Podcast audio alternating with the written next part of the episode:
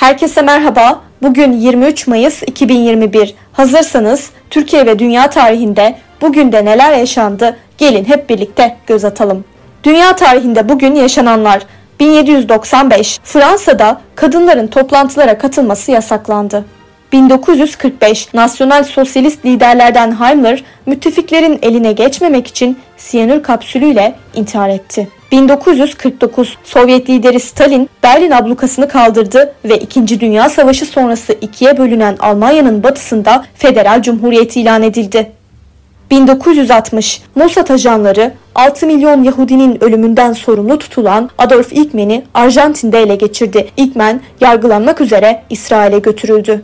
Türkiye tarihinde bugün yaşananlar 1919 İzmir'in İtilaf Devletleri tarafından işgalini protesto etmek için Sultanahmet mitingi yapıldı. Mitinge 200 bin kişi katıldı. 1928 Türk Vatandaşlığı Kanunu kabul edildi, tekke ve zaviyeler kapatıldı.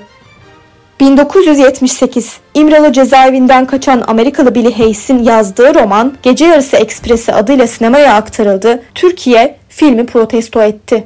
1992 İstanbul'a 117 yıl hizmet eden Galata Köprüsü yerinden sökülerek Haliç'e çekildi. Bugün doğanlar 1826 Türk Divan Edebiyatı şairi Adile Sultan doğdu. 1955 Türk avukat ve siyasetçi, günümüzde Ankara Büyükşehir Belediye Başkanı Mansur Yavaş dünyaya geldi.